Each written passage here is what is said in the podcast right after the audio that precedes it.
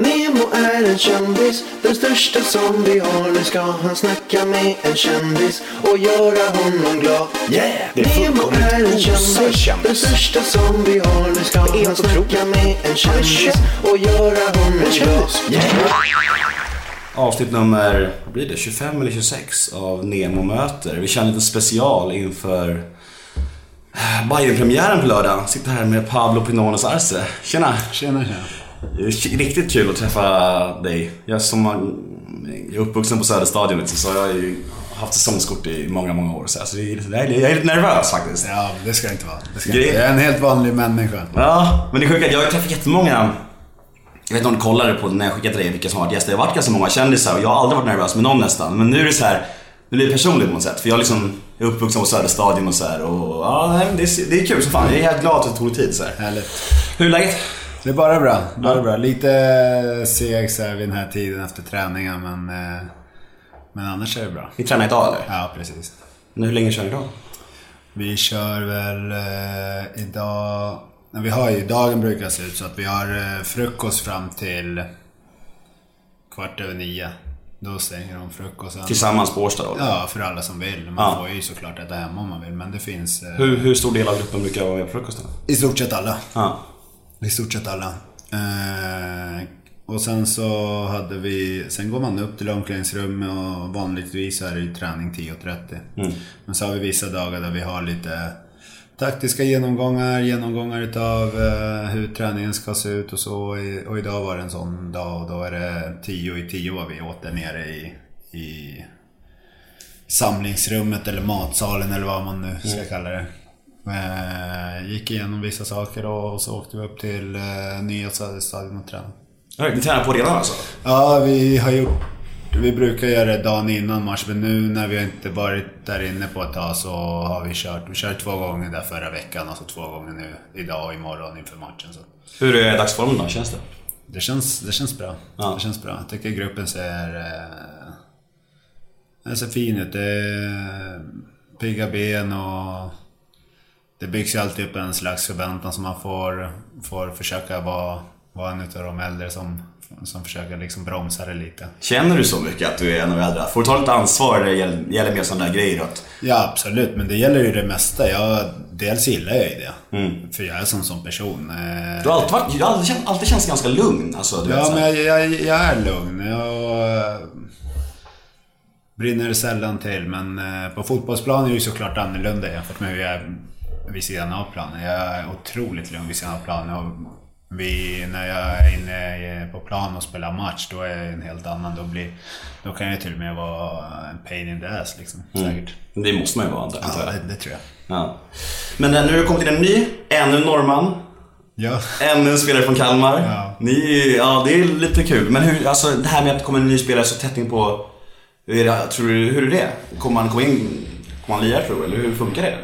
Om man, ska, om man får lira eller inte, det får du fråga namn. Såklart. Ja, men, Men eh, nu, nu har vi en så pass fin grupp. Alltså vi har en, en harmonisk grupp. Den funkar på alla sätt och vis. Så det är klart det alltid finns det här så, som jag kan tänka mig från ledarhåll. Och jag, jag tänker ju lite så också att eh, vad, alltså att karaktären och spelaren måste stämma, stämma in när man tar in någon så här sent. Det får inte bli någon så här Oj, det här visade sig vara helt fel och han förstörde gruppen. Precis. Utan man har gjort en, jag tror 100% att de har gjort en jättebra koll För det på känns- och, och. Ja, det känns verkligen, förlåt att jag avbryter men det känns det här att det är så stor del också i hur Bayern funkar nu senaste, alltså sen Nanne kom, det här med att det är lika viktigt att det är kvalitet på spelaren som att den passar in i gruppen. Att den verkligen positiv, att det är ledare liksom och peppar så här. Ja, absolut. Det, det är medvetet. Eh, från eh, både Nanne och, och klubben. Så att... Eh, nej men nu har vi, som jag sa, en bra grupp. Vi är bra på att ta in eh, nya spelare och välkomna dem in i gruppen. Jag, han verkar vara... Som jag hade bara träffat dem snabbt idag. Han var med på träningen så att det, det såg bra ut och det är klart vi... Vi välkomnar honom på, på alla möjliga sätt så att det, det ska nog... eh, det ska nog gå bra. Grymt. Han verkar ödmjuk och bra så det är inga problem. Ja, vad härligt. Det är det viktigaste.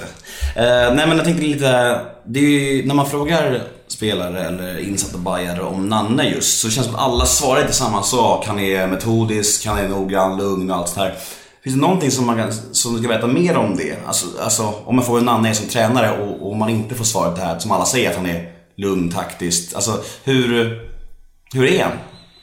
Hur, Han är ju, han det? är ju exakt sådär. Ja, Han är väldigt lugn.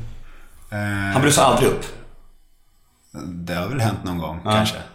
Men eh, otroligt lugn, vet exakt vad han vill. Han vet vad som krävs för att spela den fotbollen han, han vill spela. Han vet vilka typer han vill ha. Eh, han har eh, varit med om det här förut. För upp eh, klubbar i högsta eh, serien och han har varit med om och vunnit. Eh, så han, han vet ju vad, vad, vad som krävs. Nu är han ju ute efter att eh, utveckla den tempostarkaste fotbollen i Sverige. Eh, och då, då har han ju kört stenhårt efter den linjen och, och vad han tror kan vara bäst för, för oss just nu. Mm. Och eh, är det stor skillnad mot hur du tidigare har? Ja, tidigare har det väl känts lite att ja, man har en tränare har en spelidé och, och sen så värvar man lite eh, lite hypade spelare kanske utan att tänka sig för vad hur, hur kommer den här personen passa in i gruppen? Är han en bra människa? Eh, alltså funkar han bra i grupp? Kommer han vara, om han är en utav ledarna, kommer han kunna vara det på ett bra sätt? Eller kommer han förstöra gruppen? Alltså det är många sådana saker som, som jag tycker han har gjort fantastiskt bra. Mm. Coolt. Nej, men det, ju- det känns som att det det är verkligen det som Bayern behövde i och med alla jävla tränarbyten och kaosåren i Superettan. Det var så jävla Hawaii, det var så instabilt så det var liksom... Det känns som det bästa möjliga på ett sätt. Just det här att få lite Jag tror ordning. så här, jag tror att... Som du säger, det bästa som kunde hända Hammarby var att man tog in någon utifrån som hade gjort den här Resan. resan. Eh, och när jag menar någon utifrån, då menar jag att det här är inte någon som... Alltså många tränare som har varit i Hammarby har en tendens till att bli eh, fans istället för att förstå eh, vikten av jobbet. Vad, vad, varför man är här egentligen. Man är inte här kanske för att ja, nu vill alla att vi värvar den spelaren, då kör vi den linjen. Utan nu är Nanne kom hit och visste vad han ville göra med klubben och visste vad han ville utveckla och visste sin idé redan från början. Eh, Fan vad intressant det där. så jag, ja, jag tror att det, det är lätt att ryckas med i en, Precis. i en sån klubb som har så, så mycket tryck och press utifrån också. Mm. Just därför är det ju perfekt med en som personlighetsman. Som Ja, och han kan jag säga, han eh, är väldigt tydlig med att han... eh, Vi kör vårt... Vi ska utveckla den tempostarkaste fotbollen i Sverige och det är vårt mål. Hur, hur lång tid det tar, det kan han inte säga. Men vi kommer nå dit så småningom. Och vi har tagit enorma steg på den, på den, här, på den här tiden han har varit här. Mm. Och det glädjer oss. Ja. Ja. Jag tänkte prata lite om... ehm, jag var lite nyfiken på, på hur du... Vi tar lite svängar hit och dit, men hur du är som farsa. För jag har ju sett dig cykla runt på Söder med din dotter. Så här. Här, hur är du, hur är du? Du har en dotter som är Fem. fem. Hur är det som farsa? Svag. Svag. henne. Hon ska ha allting. Ja, men först och främst har jag alltid tänkt så här. Alltså det är min dotter, om jag väljer att skämma bort henne så är det ingen annan som ska komma och säga åt mig. Nej, man får inte göra så och dittan och dattan. håller med om. Hon har en mamma och med henne tar jag diskussioner om Emilia. Och alla andra får bara finna sig i det. Så hon får aldrig ett nej om hon vill ha en glass?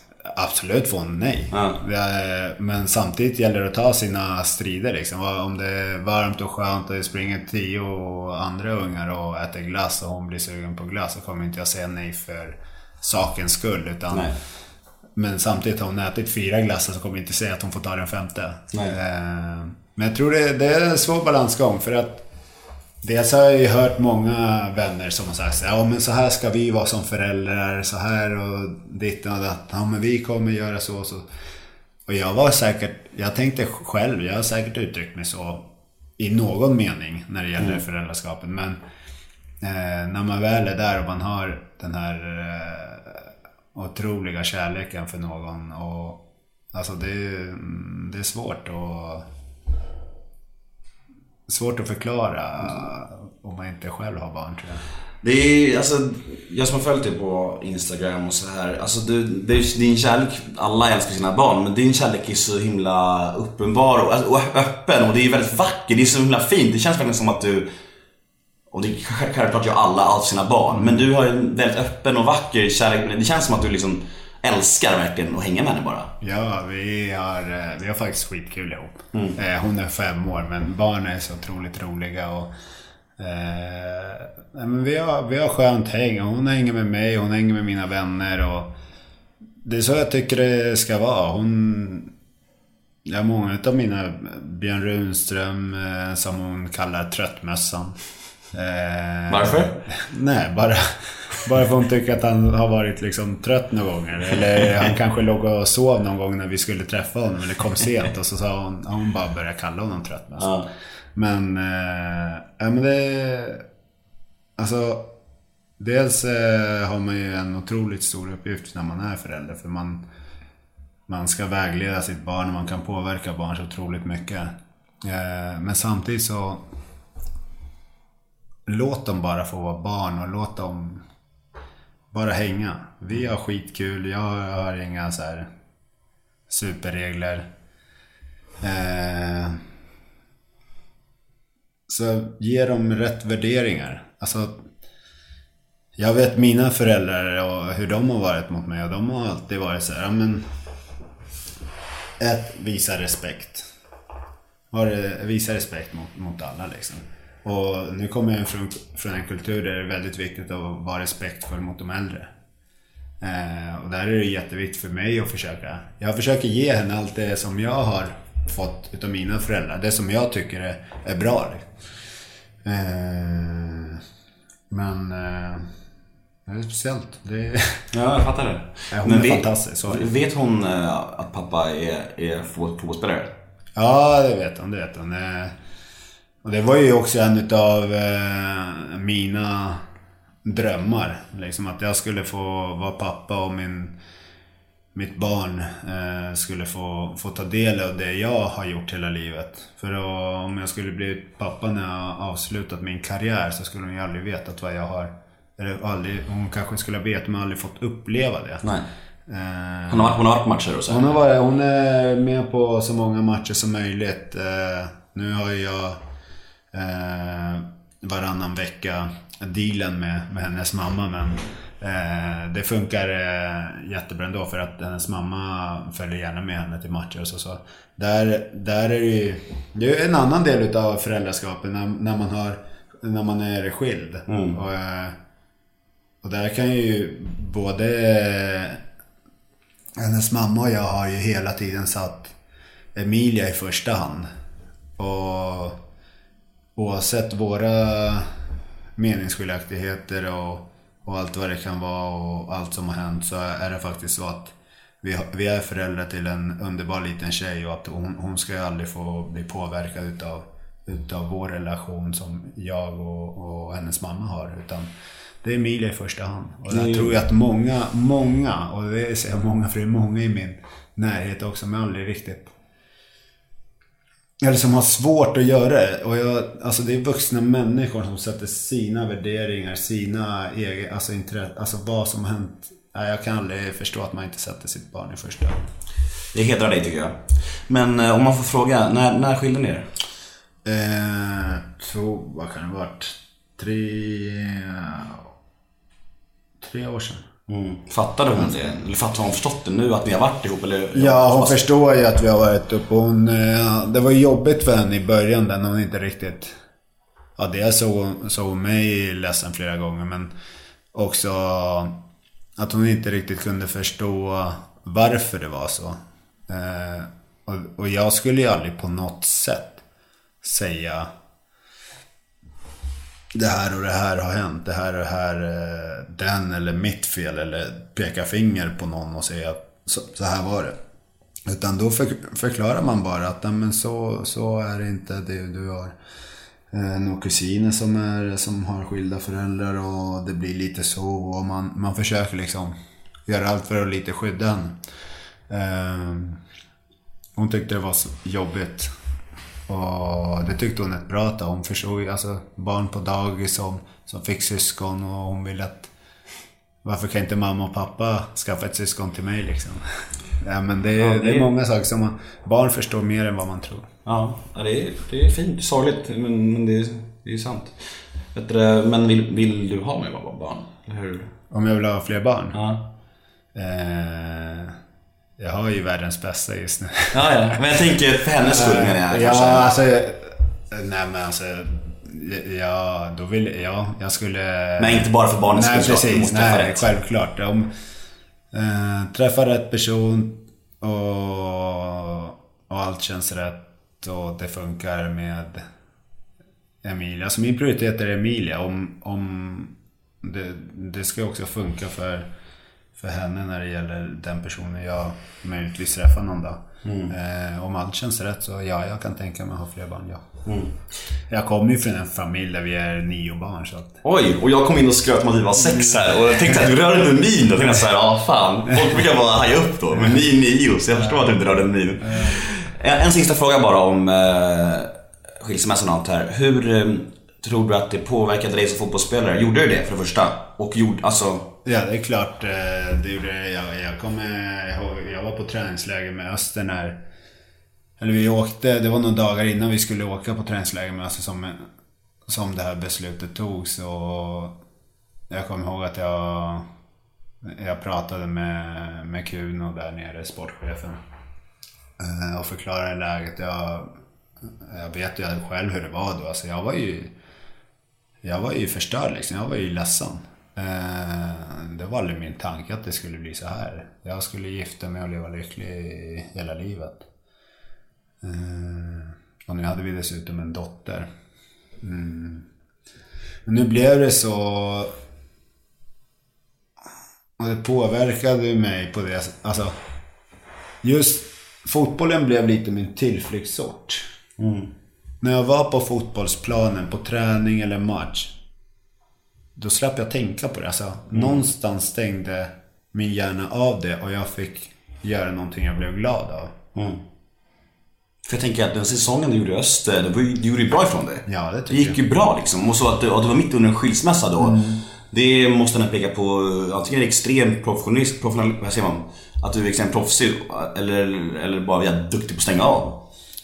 Eller som du säger. Jag tror det är en, en kombination. Ja. Dels så, så stängde jag av medvetet också. Men när man kom till fotbollen då blev det automatiskt. För där har jag, där har jag alltid haft kul. Jag har sagt så här, den dagen jag inte har, tycker fotbollen är kul. Så kommer inte jag att spela fotboll. För att, ska jag vara helt ärlig, så blir jag inte rik på att spela fotboll här i Sverige. Nej. Jag lever ett, ett bra liv, ja. Men jag kommer inte bli rik. För resten av livet liksom. Nej. Nej. Eh, så den dagen jag inte känner den här glädjen att jag dels är med och bidrar eh, och, och dels har jävligt kul. Eh, då slutar jag. Eh, men då kom jag varje dag till träningen. Jag hade mina lagkamrater och vem det här bör, påbörjade redan innan jag, sista halvåret i BP. Då hade jag ju mina vänner och alla som stöttade mig och jag har vänner utanför fotbollen som stöttade mig på ett otroligt fint och bra sätt. Men just där, då stängde jag av just på fotbollsplan. Och det, det har nog hjälpt mig väldigt mycket. Sen var jag ju otroligt ledsen och sårad vid, vid sidan av plan. Och där tror jag också, det är, så, det är så få som pratar om det. Få pratar om, om hur man mår. Och det, var, det är så otroligt skönt att jag har eh, så många fina vänner som, har, eh, som hjälpte mig igenom det här. Jag är helt, eh, jag är helt chockad. Alltså, eller att du pratar så pass öppet om det här. Jag trodde du skulle vara helt så här monoton och avstängd. Och bara, att du, alltså, men att jag tol- håller helt med. Folk borde prata mer. För att alla människor mår dåligt. Oavsett anledningar så mår människor mår dåligt mycket. Och att, att prata om det är ju en av de få saker som faktiskt hjälper. Ja, absolut. Att bara liksom gå runt och må dåligt, det är liksom... Det har faktiskt min mamma alltid sagt att eh, det som hon mest är stolt över det är att jag alltid haft så bra vänner. För att det, det, det sa hon, det betyder att du är en väldigt fin människa. Och det försöker jag ju tänka på också. Det är att jag har faktiskt fantastiska vänner. Och jag har aldrig varit den som har något problem att, eh, att gråta ut hos mina vänner. Nej. Jag kan, jag kan åka till min vän och, eller vän, vänner och säga att så här är det och jag är jävligt ledsen och jag behöver gråta. Och så fine. Och de är där för mig och jag vet det. Jag har aldrig behövt gömma mig någonstans. Sen kommer inte jag kanske gå ut i media bara för att jag råkar vara en halvt offentlig person liksom, så, och gråta för en skilsmässa. Liksom. Men, men det, var, det var någonting som påverkade mig, ja. Mm. Och just det här delen, jag tänkte på det när jag kom hit att um, jag kollade lite grann artiklar på det. det är så här, jag tänkte läs på lite såklart av ren, ja, för att vara lite proffsig. Men uh, nu, nu slår det mig att du, när du sänkt, alltså fyra mål mot Elfsborg och liksom var typ under skilsmässa då liksom. ja. det är rätt sjukt ändå. jag kommer ihåg jag såg den matchen på TV och jag var så jävla arg. Jag bara, helvete, vi måste, vi måste ha tillbaka Pablo alltså. Ja. Nej, det var... Det var en period här i... Det måste vara en av, en, en av milstolparna i karriären va? Ja, kanske. Eh, Men jag, jag hade faktiskt en period där... Där livet kändes helt åt helvete. Eh, och det, var, det började ju hösten där 2012. Eh, dels så, så kom, började det här lite sakta med, med min exfru att komma fram. Eh, eller att, att det kanske inte var så bra. Eh, och sen så fick min mamma eh, bröstcancer. Eh, och det här var inom loppet av en vecka var, kom de här grejerna upp. Eh, då trodde jag så här, "Ja, ja, jag kör igenom. Jag ska kämpa med Jag hade precis börjat plugga. Jag hade tänkt gå två utbildningar parallellt. Funkade, jag fick hoppa av allt. Bara tänka på att jag måste försöka få ihop det med så att jag i alla fall kan vara en bra farsa. Eh, och koncentrera mig också på fotbollen. Det gick bra i BP, vi gick upp. Jag skrev inget nytt med BP. Eh, och då hade jag ändå vunnit skytteligan och fört upp laget i Allsvenskan. Åker ner till eh, Växjö. Då blir det konkret att vi skiljer oss. Den sommaren får farsan en stroke.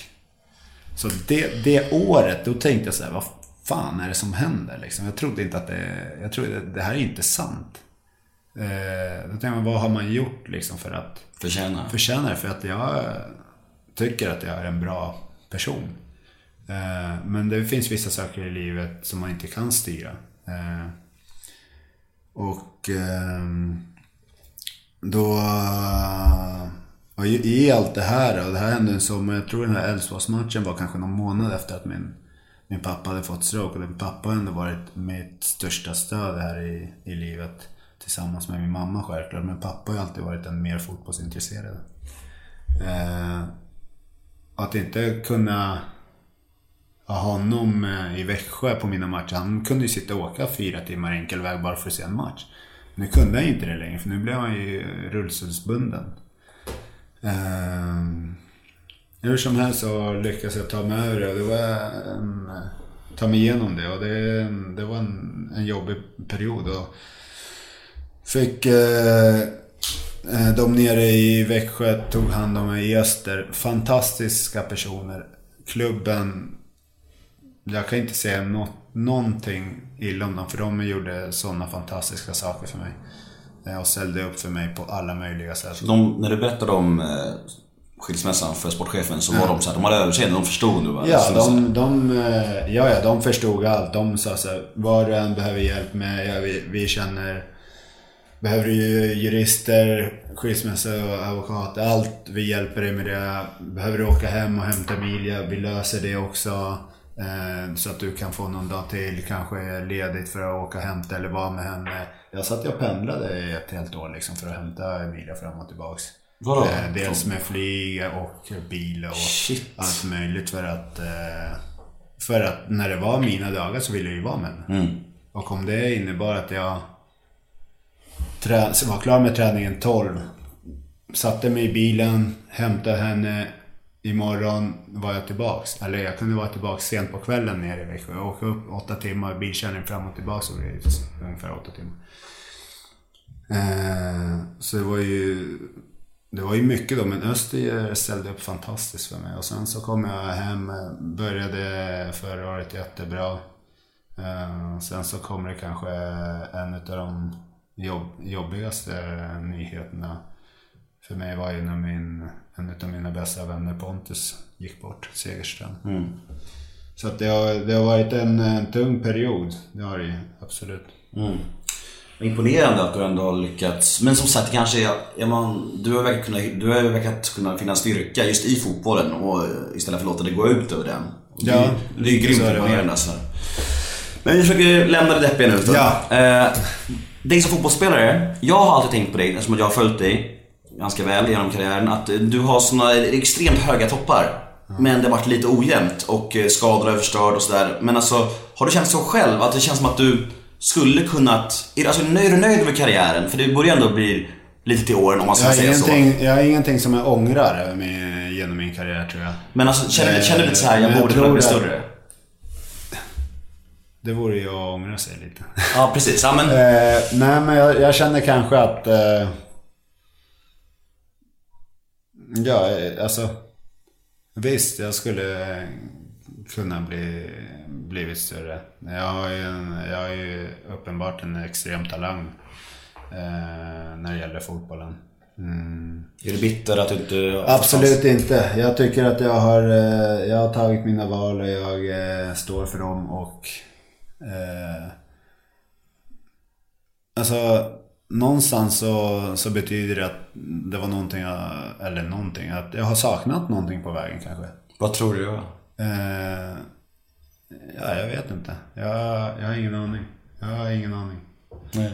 Eh, det är som du säger, många saker man kan, man kan titta tillbaka på och tänka på att man har kanske varit lite skadeförföljd och eh, kanske skadad i fel tillfälle eller kanske en dålig match vid fel tillfälle. Det är, det är många sådana saker som är... Det om man ska göra karriär på det sättet, alltså vara utlandsproffs och, vara, och, och om målet är att, och bli miljonär och tjäna massa pengar, ja då måste man vara bra under rätt tillfälle, under en, rätt, en viss period och där man har ögonen på sig. Jag lyckades inte vara det och jag grämer mig inte över det. Jag har haft en jättefin karriär och jag, jag har många, med mig många bra, bra erfarenheter från det. Du är inte bitter på att det aldrig blir någon landskamp? Typ där riktig landskamp? Eller var det någon, blev det någon januari-turné eller? Ja, Jag var iväg eh, på någon januari-turné men den matchen jag spelade var emot något ihopplock, eh, Hongkong, så att den blev ju aldrig officiell. Men Nej. eh, mitt mål har ju aldrig varit mi- mitt mål har aldrig varit så. Utan mitt mål, min tanke har alltid varit att jag ska bli bäst. Mm. Sen att det, att det skulle innebära andra saker som pengar eller landslag eller spela, vad vet jag, i Real Madrid eller något sånt där. Det har aldrig, det har jag aldrig tänkt på på det sättet. Utan jag har bara tänkt att jag ska fan bli bäst. Men eh, jag har blivit så bra jag har kunnat tänker jag hela tiden. Någon, någonting har ju inte funkat. Mm. För att nå de höjderna. Men jag är, som jag säger, jag är nöjd med min karriär hittills. Jag tror absolut inte att jag är för gammal för att fortsätta spela på den här nivån. Nej. Hur, eh, hur går tankarna där överlag? Känner du att, alltså, det är svårt, jag förstår att det är svårt att säga, men hur, hur många år tror du att du kommer lira?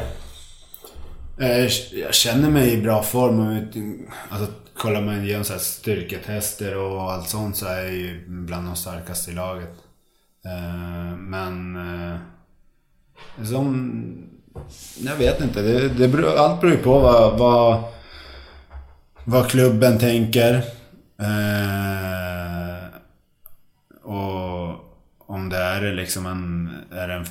Finns det plats för mig i klubben i framtiden eller eh, söker, man, söker man sig vidare? Alltså jag vet ju aldrig vad som händer. Jag har ju det här året kvar. Jag tänker att jag kör på det här året, gör mitt bästa som jag alltid försökt göra och så får vi se vad det leder till. Mm right. jag, tycker fortfarande det är kul. Jag vill ju fort, fort, fortfarande fortsätta spela, så är det Ja, det hoppas jag du gör. Jag var på, eller jag var på alla matcher, men eh, matchen nu i lördags. Eh, Det var lördags va? Eller söndag kanske det var? Lördags. Ja, lördags var det. Mot Brann. Vad jävla konstig match för det första. Ja, märkligt. Verklig Hawaii-match. Det var såhär, första halvlek var de totalt överlägsna, sen 10 minuter i andra var det liksom... Då var de Då ser överlägsna. du en sån som eh, till exempel Nanne. Han säger där i halvtid att vad, vad är problemet när man har varit så överlägsen i en, en halvlek? När, man, när vi i stort sett har bollen hela första halvlek och skapar kanske ett par farliga lägen. Många. Men, men vi har liksom matchen. Jo, då är faran att man, man tror att det ska gå ut av sig själv. Slappnar av. Ja. Så man tappar koncentrationsförmåga. Det var exakt lite vad som hände. Hur kan det hända när han säger så? Och det är väl det, är väl lite, det, är det mentala spelet. Alltså människan funkar ju på, på Ja. ett väldigt speciellt sätt. Det mentala, det är, det är därför vi, har en mental tränare som nu hjälper oss med alla de bitarna. Och som Nanne också har tagit med sig. Han har ju förstått hur viktigt det är med den men- mentala biten också. Det psykologiska. Men inte för, inte för att vara för kritisk nu, men hur bra funkar det egentligen om det Det funkar ju fantastiskt bra men det kommer ju komma vissa stunder i matcher. Ja, det är klart. Där man kanske inte... Sen så, sen så tar vi över igen. Det här är ju Mm. en period på kanske... 10 minuter, en kvart kanske. Ja, 20, säg max 20 då. Sen har vi ju matchen igen. Så att... Eh, det är ju det är ju människor vi har att göra med. Det är inga robotar. Nej. Människor eh, funkar på det här sättet. Skönt att få avgöra. Skönt att få göra mål, absolut. Eh, men... Uh,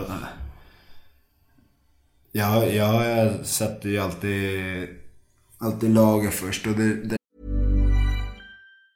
Say hello to a new era of mental health care. Cerebral is here to help you achieve your mental wellness goals with professional therapy and medication management support. 100% online.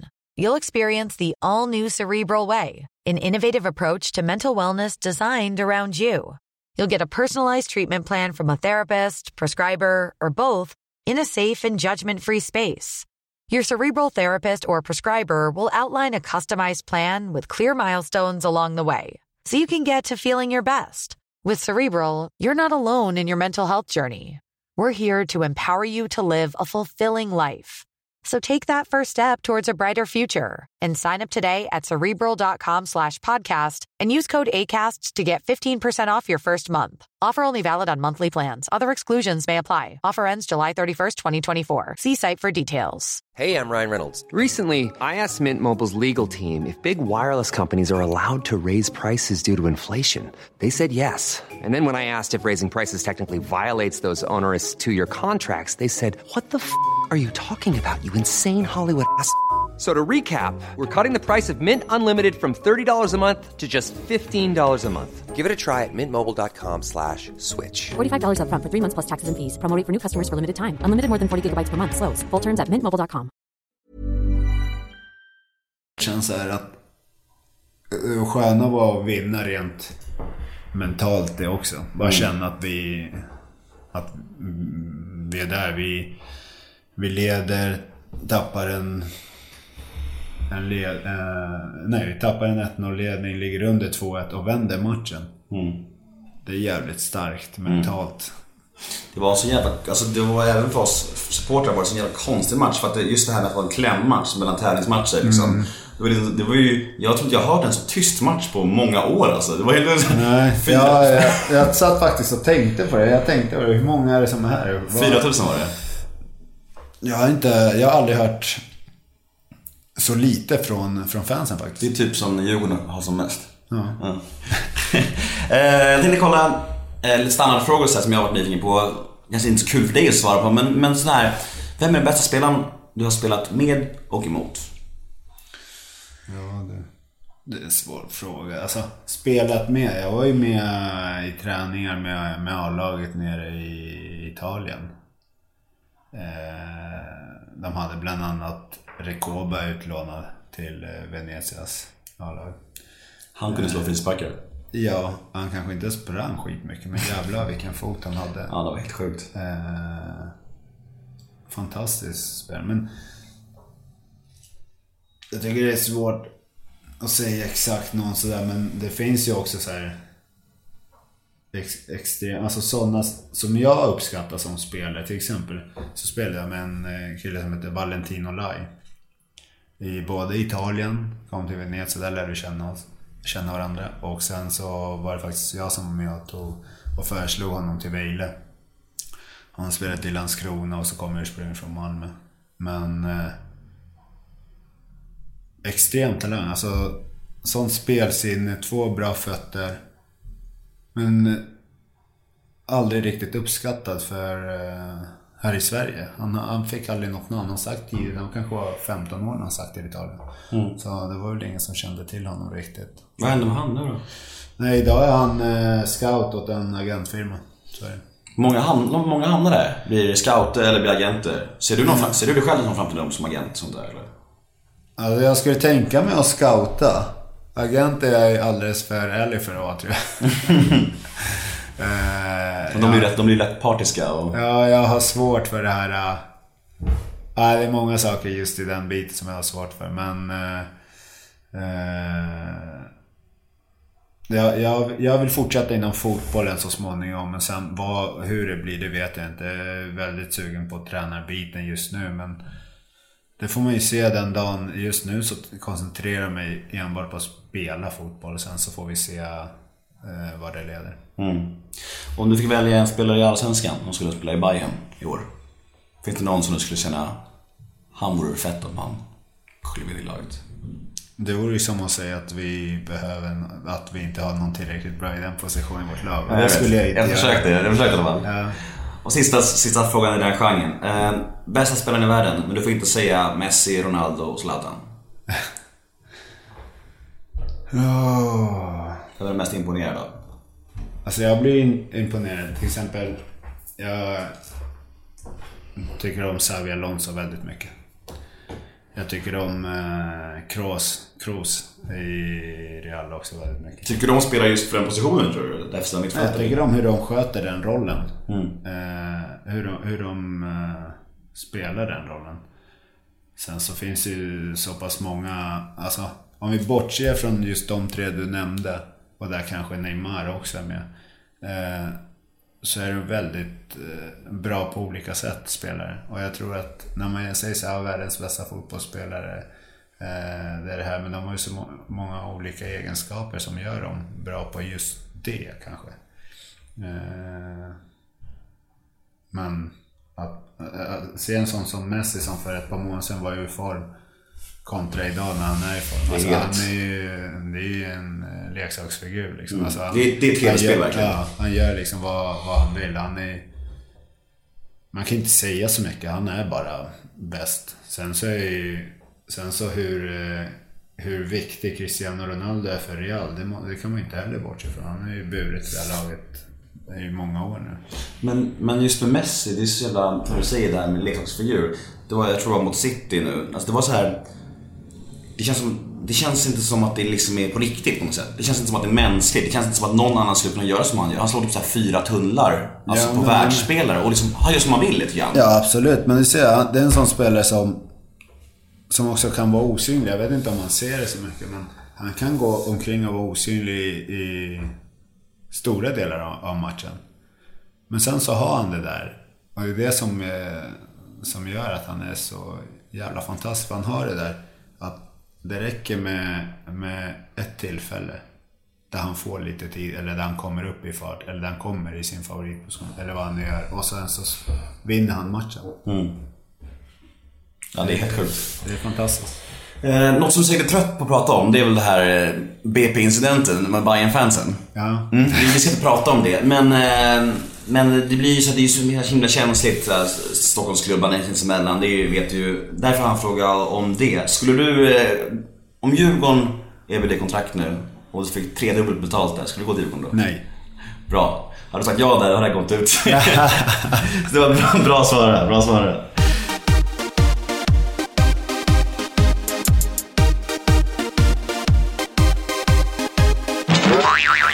Eh, men det här med kändisskap och offentligheten. Nu är ju ingen superkändis, men du är en offentlig människa och du lär bli igenkänd på Södermalm då och då. Trivs du bra i det? Eller är det lite så här, tycker du tycker det är lite jobbigt om någon kommer fram och vill ta en selfie med dig och så här? Så jag har inga problem eh, att ställa upp eh, på, på bilder och, och ställa upp eh, framförallt för barn om de vill ta bilder. Jag försöker hålla mig kvar efter matcherna och ge lite autografer och ta några bilder med, med små grabbar och tjejer som står där och, och vill ha ens autograf. Det, det tycker jag lite hör till. Eh, Men ett fyllo på kvarnen då? Det kan vara jobbigt då? Jag, jag, jag ska inte säga att jag, eh, att jag uppskattar det lika mycket. Nej men jag tror att det... Så länge, om, om jag sitter ute och äter med min dotter eller med mina föräldrar eller med... Med någon eh, snygg eh, tjej. Nej jag skojar. eh, Då vill man gärna ha det här lite privata. Det är klart. Eh, och det, då, då, då tror jag mer att det handlar om respekt. Eh, som den andra personen borde visat för mig just i det tillfället. Eh, Jag var och käkade på Marie, Marie, jag vet inte, Nytorget. Nytorget, heter det restaurang? Nytorget 4 heter det. Nytorget 6. Nytorget 6. Jag var där käkade med min tjej för halvår sedan kanske. Och då var du där med eh, Runström och Nanskog, tror jag. Och jag ville så gärna säga något fint till dig, men jag vågade inte. Ja, men jag tycker så här, det är okej att säga hej och så här, men att förvänta sig att man ska stå och prata där i, Ja, i 5-10 minuter. Det, där tycker jag det går någon slags gräns. För jag har inga problem att ta mig tid och ta en bild. Eller säga ja hej, ja men lycka till på lördag eller vad det nu är. Ja, tack så mycket. Jag har inga som helst problem. Jag har full förståelse för att folk eh, folk gör det. Det, det. det är en del utav mitt jobb.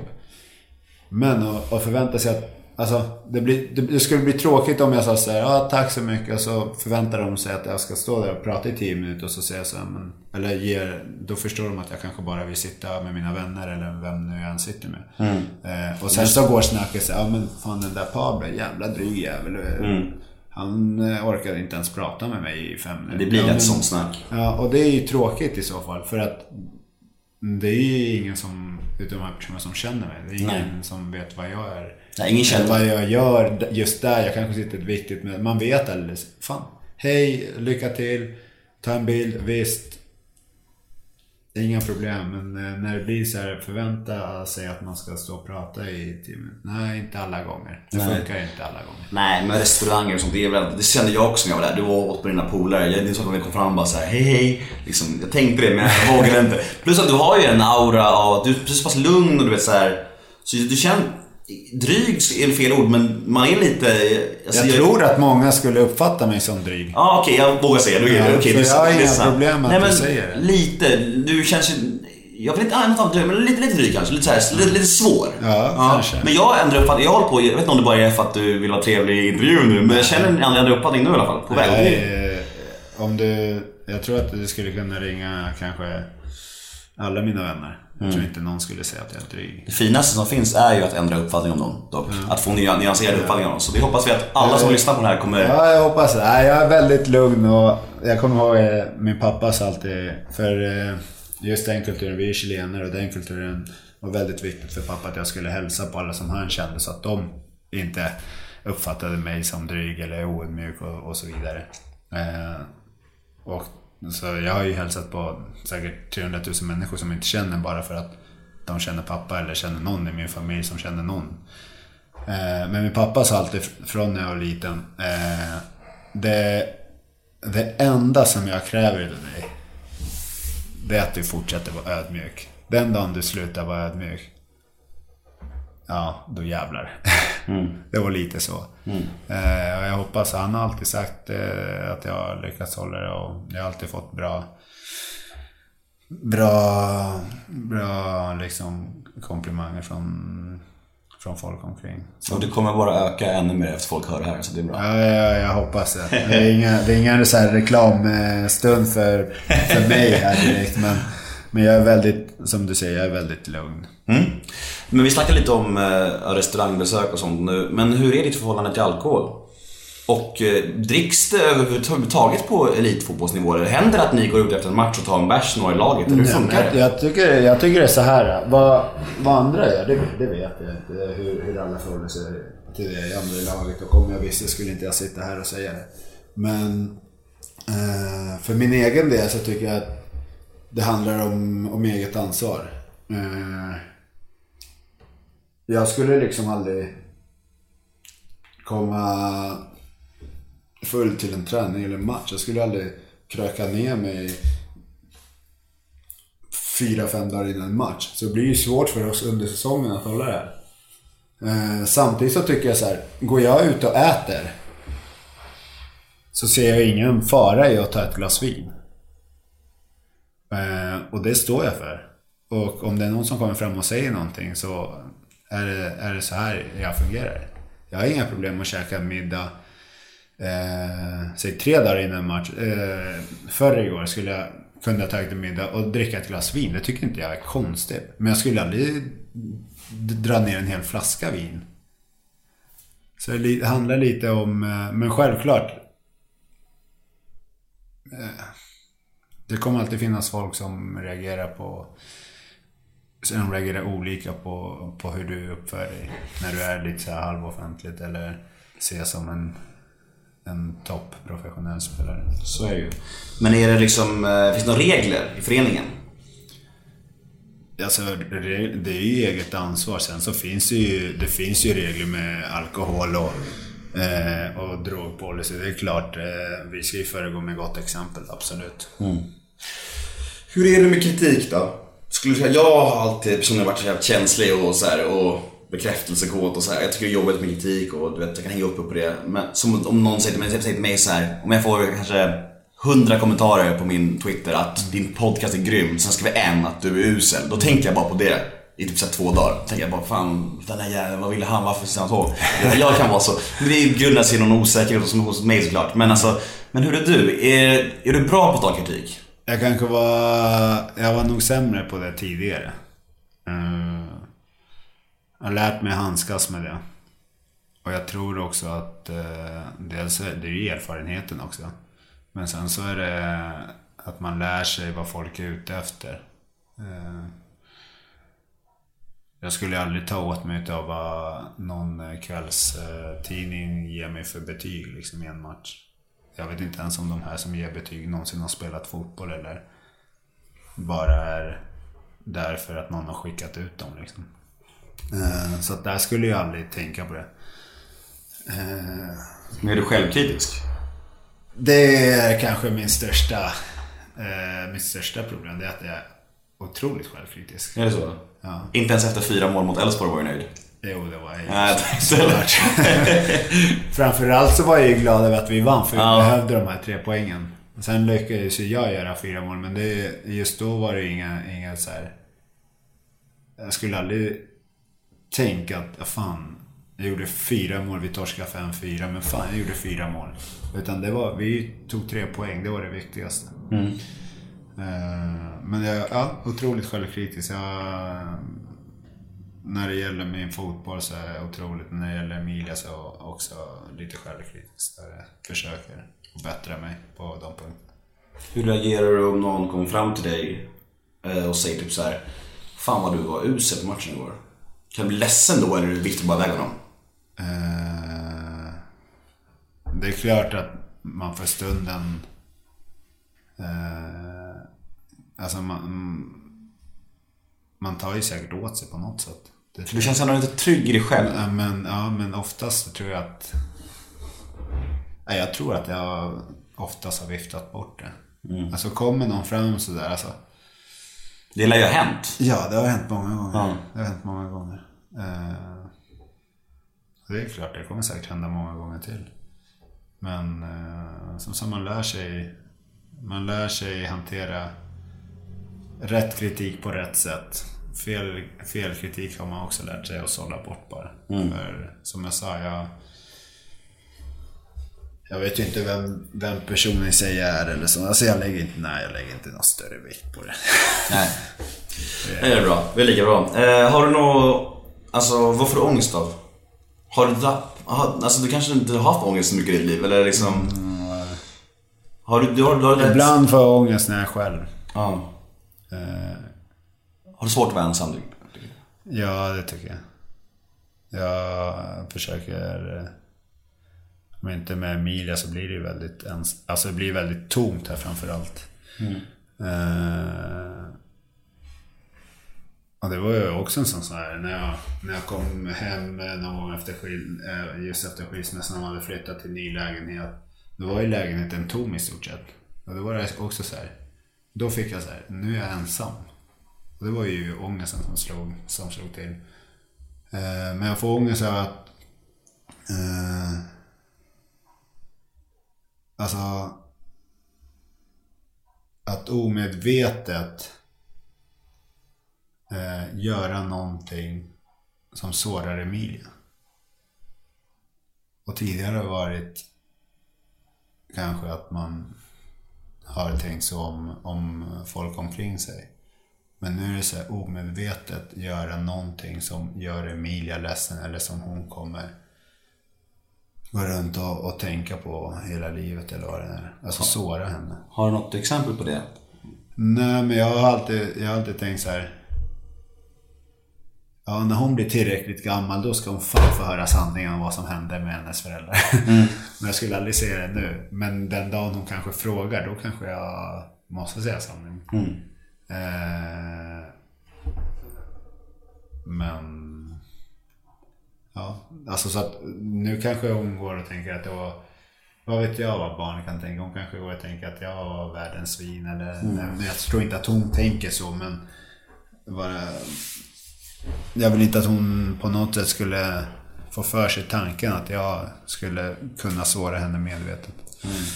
Men det här med att ha dotter också, om vi får återgå till det en snabbis. Hur känns det då om, låt säga, om tio år? Hur, hur överbeskyddande kommer Pablo Pinones Alsen då?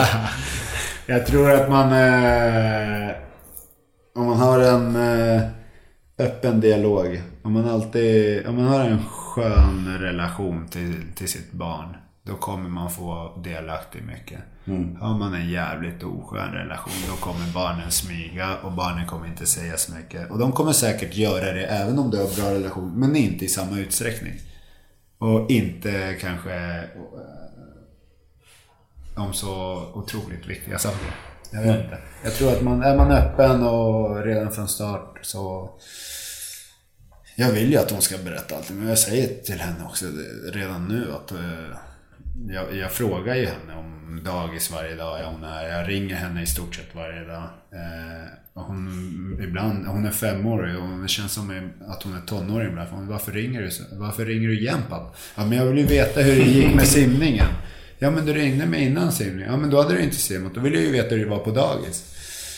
Eh, men det är ju skönt att vi, både Emilias mamma och, och jag har ju den relationen att vi har inga problem att, att eh, vi ringer till varandra när det gäller Emilia. Så det är skönt. Kör vi en podd igen om tio år så får du berätta hur det gick med... Ja, alltså när det knackar någon pojkvän här eh, på dörren, då får vi se hur jag reagerar. Ja, det är nog väldigt svårt att sätta sig in i det också. Eller flickvän, man vet ju aldrig. Exakt, exakt. Så kan det ju vara. Men som sagt, du verkar rätt trygg i dig själv. Med, med självförtroende och självkänsla. Att du är liksom så stabil. Du har, har du något, har du något komplex? Liksom så här, vissa människor, jag, jag har komplex att jag har stort huvud. Alltid, jag vet inte, jag har alltid haft det. Har du något här? Tycker att du är... Vill du ändra någonting med dig själv om du har fått chansen? Nej, jag tycker... Nej. Jag tycker du är en hunk. Nej, det skulle jag kanske inte vara. Nej, jag, jag ser mig inte som någon hunk. Utan jag, jag ser mig... Eh, Är du nöjd med vad Gud gav dig? ja, det är jag. Det Bra. är jag. jag tror att det, är- det är dumt att, att fråga efter för mycket. Liksom. Man får inte, jag, jag, har, jag har ett bra liv. Jag har haft ett bra liv fram till, till nu. Ja, det är klart det har kommit tunga och jobbiga perioder men eh, jag, jag har bra vänner, jag har en fantastisk dotter, jag har en jättefin familj med syskon och föräldrar. eh, Så att, eh, och syskonbarn och allt vad det är. Så att nej, jag är, jag är än så länge nöjd. Bra. Hur är du med Anders? Hur är, hur är du... Alltså, hur du åldras tycker du? Tycker du att det är jobbigt att bli äldre? Eller, är du tillfreds med att det låter lugnt liksom? Nej, det är lugnt. Jag har, eh, jag har bara blivit snyggare med åren. nej, jag skojar. Eh, nej, jag tycker, jag tycker det, det känns bra. Det vore ju tråkigt om jag skulle... Jag försöker eh, träna mer och mer. Eh, och det gäller ju framförallt fotbollsbiten. Att jag försöker ju hålla mig så fräsch och fit som möjligt. Alltså man tänker de unga som kommer upp nu, de är ju, de är ju mer... Eh, de tränar ju mycket mer än vad vi gjorde när vi var i den åldern. Mycket mer. Men behöver du göra mycket mer nu än för tio år sedan för att hålla dig lika fit? Ja, det tror jag. Det, tror jag. Det, mm, det har väl med, med kroppen överlag att göra bara. Så är det. Är du rädd, är du rädd för döden? Ja, nu är jag mer rädd för den än tidigare. Eftersom du har nått där? Ja. Mm. Det är många svarar det, för då tappar liksom fokuset landar från vad man själv betyder för någon. Ja. Det är rimligt. Ja, det... Ja, men det är återigen det här att hon... Att se henne ledsen liksom. På riktigt ledsen. Ja. Som jag har sett henne under skilsmässan till exempel. Eh, när, när någon är ledsen på riktigt. Och inte ledsen för att man har ramlat och slagit sig kanske. Utan ledsen i hjärtat liksom. Och det, det är klart att då, då vet jag att de skulle bli Må det dröja väldigt länge. Ja. Eller hur? Eh, tips då, då? Allsvenskan. Vart hamnar Bayern i år? Eh, vi har inga så här Har ni någon resultat. Vi har inga resultatmål. Vi jobbar inte så. Nej, jag vet att ni inte gör det, men det... Och Men vi har inga. Nej, jag har inget där att säga. Då skulle jag ju vika, undan från vårt sätt Precis. att arbeta. Det är så jäkla svårt som bayern supporter att du vet, man är, vi, vi har ju bäst publik i landet och vi, det är så jävla hype kring laget och man... Sätter man sig ner och tänker en stund som supporter då vet man ju att vi ska egentligen vara jävligt nöjda om vi hamnar typ, ja, i mitten känns rimligt så här, men ändå så tänker man så här, vi, vi har mest publik, det är sånt drag, det är sånt ös, man vill ju så gärna vara i toppen så här, men alltså förväntningarna är ju orimligt höga för oss supportrar och man vill verkligen, vi borde ta ner dem känns det som. För att det är ju bra lag med, alltså toppen Ja, är ju ja, väldigt vi jobbar ju inte efter resultat som sagt, men jag vet inte. Eh, Skulle ni må bättre om vi sa så ja, men vi ska vinna. Nej. Och så kommer vi sist. Nej. Nej. Det skulle inte ni må bättre av. Nej. Ni skulle inte må bättre om, om, av att vi sa så här, men vi ska ta den här uh, trettonde platsen för då slipper vi kvalet i alla fall. Eh, och så hamnar man där. På trettonde plats. Ja, det var, det var helt rätt, det var helt rätt. det blir jättesvårt. Eh, jag, jag, alltså, jag förstår inte helt tanken. Jag förstår såklart att man vill alltid att ens lag ska vara bäst och vinna alla matcher. Eh, nu jobbar vi inte så. Vi jobbar med, med, med, det, med att få vårt spel att fungera och, och få den tempostarkaste fotbollen här i Sverige. Eh, sen så hoppas vi att det ska kunna leda väldigt långt. Sen så får vi se hur långt och när det blir. Hur slutar det på lördag på lördag. Jag... Du vet, nu, nu intervjuar du en eh, jättekonstig person tänkte jag. Jag är ju väldigt så här. Jag blir ju inte helt fokuserad för matchdagen när jag börjar ladda inför matchen. Alltså när jag, jag går och käkar på matchdag käkar jag oftast hotellfrukost någonstans. För då vet jag att jag kan, jag kommer dit. Jag kan sätta mig med en tidning eller vad som helst och jag har allt att välja mellan. Jag har eh, gröt, müsli, yoghurt, eh, 14 pålägg. Eh, alltså allt du kan tänka dig. Eh, och jag kan ta det lugnt där. Medan här skulle jag vara tvungen att liksom, ja jag ska ner och handla först. Jag ska, och det kanske är, låter väldigt lyxigt och det låter som att jag är lat och så. Nej, det är mitt sätt att ladda upp inför matchen. Sen så tar jag en cykeltur liksom på Söder. Cyklar ner till Kanalplan för att se om det är något ungdomslag som spelar eller något sånt. Och står där och tittar någon stund. Sen så kan jag cykla vidare och så tar jag någon kaffe kanske med Björn som bor här på Söder också. Vi umgås ju en hel del. Och sen så snacka lite skit. Sen hem igen, vila lite. Och sen så byter det om dags att åka till arenan. Och då, när jag kommer till arenan, då switchar jag av. Då blir det mentalt liksom, nu är det match. Och jag har mina mm, procedurer där som jag Vid gör. skepligheter? Ja, na, mest för att eh, om man gör saker som känns bra vid det tillfället, då vet man ju, alltså då förknippar man hela tiden, rent mentalt förknippar det med bra saker. Jag kommer dit, jag hälsar på ledarna, skakar hand med dem alla. Det gör jag ju aldrig varje dag. Jag går inte och skakar hand med Nanne varje dag när jag säger hej.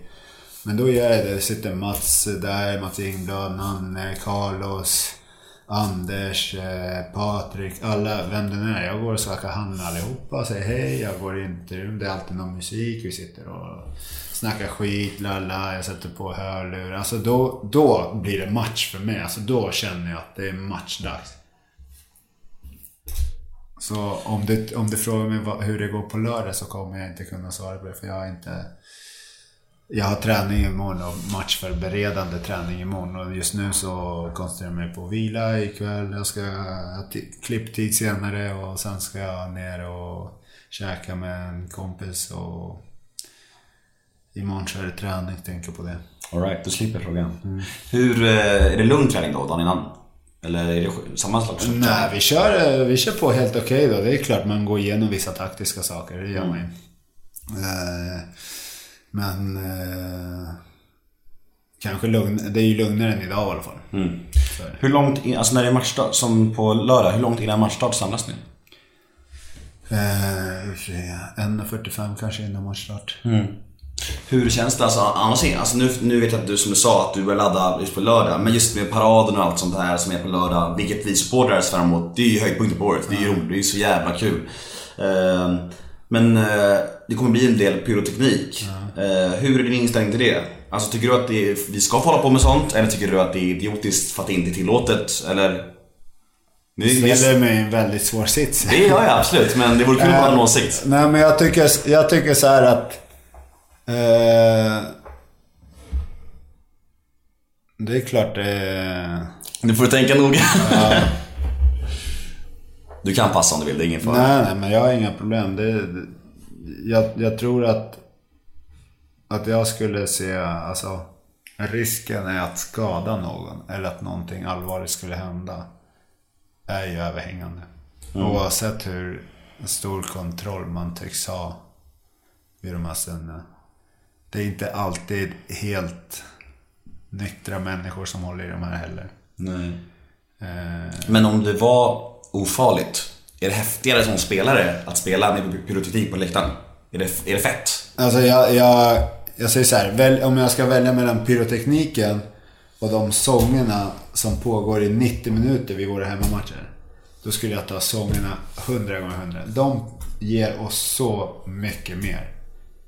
Att, att komma in till match och matchen blir försenad i 20 minuter för att någon har bränt av en bengal. Det är ju mer ett störande moment än vad det peppar upp.